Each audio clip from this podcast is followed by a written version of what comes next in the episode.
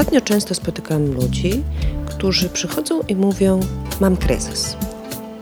Pytam więc miłego człowieka, co to znaczy, czym się ten kryzys objawia. I mówi człowiek: Nie mam siły, nie nadążam, zapominam, nie radzę sobie z obowiązkami w pracy, spóźniam się, jednym słowem, nie ogarniam. Nieziemsko mnie to męczy i im bardziej się staram, tym bardziej nie ogarniam. Czy to kryzys?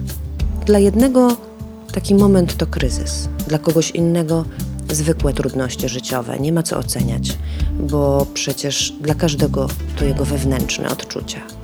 Istotne jest to, że doświadczamy i będziemy doświadczać wielu trudnych momentów i wydarzeń w naszym życiu.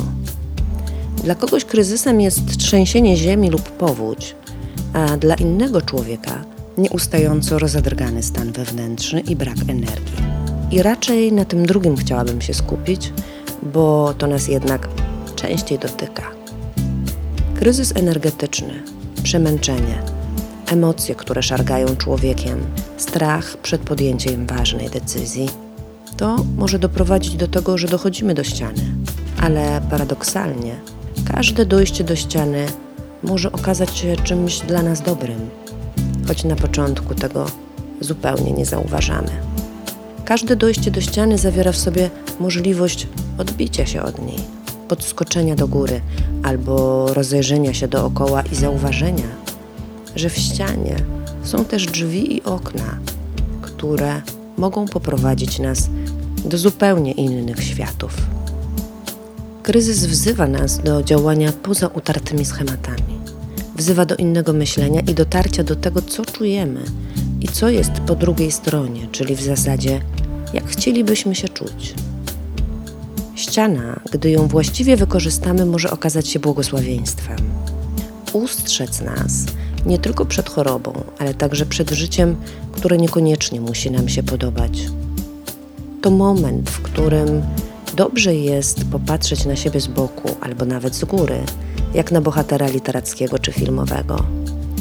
Dużo stresu, szybkie tempo życia, ale czy przypadkiem ten bohater sam nie dolewa oliwy do ognia wydarzeń?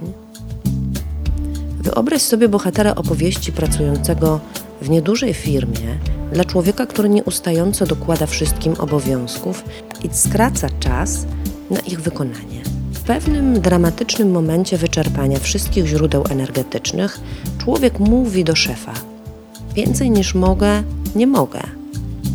Ku zaskoczeniu wszystkich przynosi to skutek i nie taki, że szef nie chce, żeby robić więcej i szybciej. Ten dalej pozostał sobą.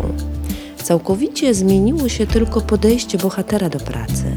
Dalej robił wszystko najlepiej jak mógł, ale w tempie, które było dostosowane do niego.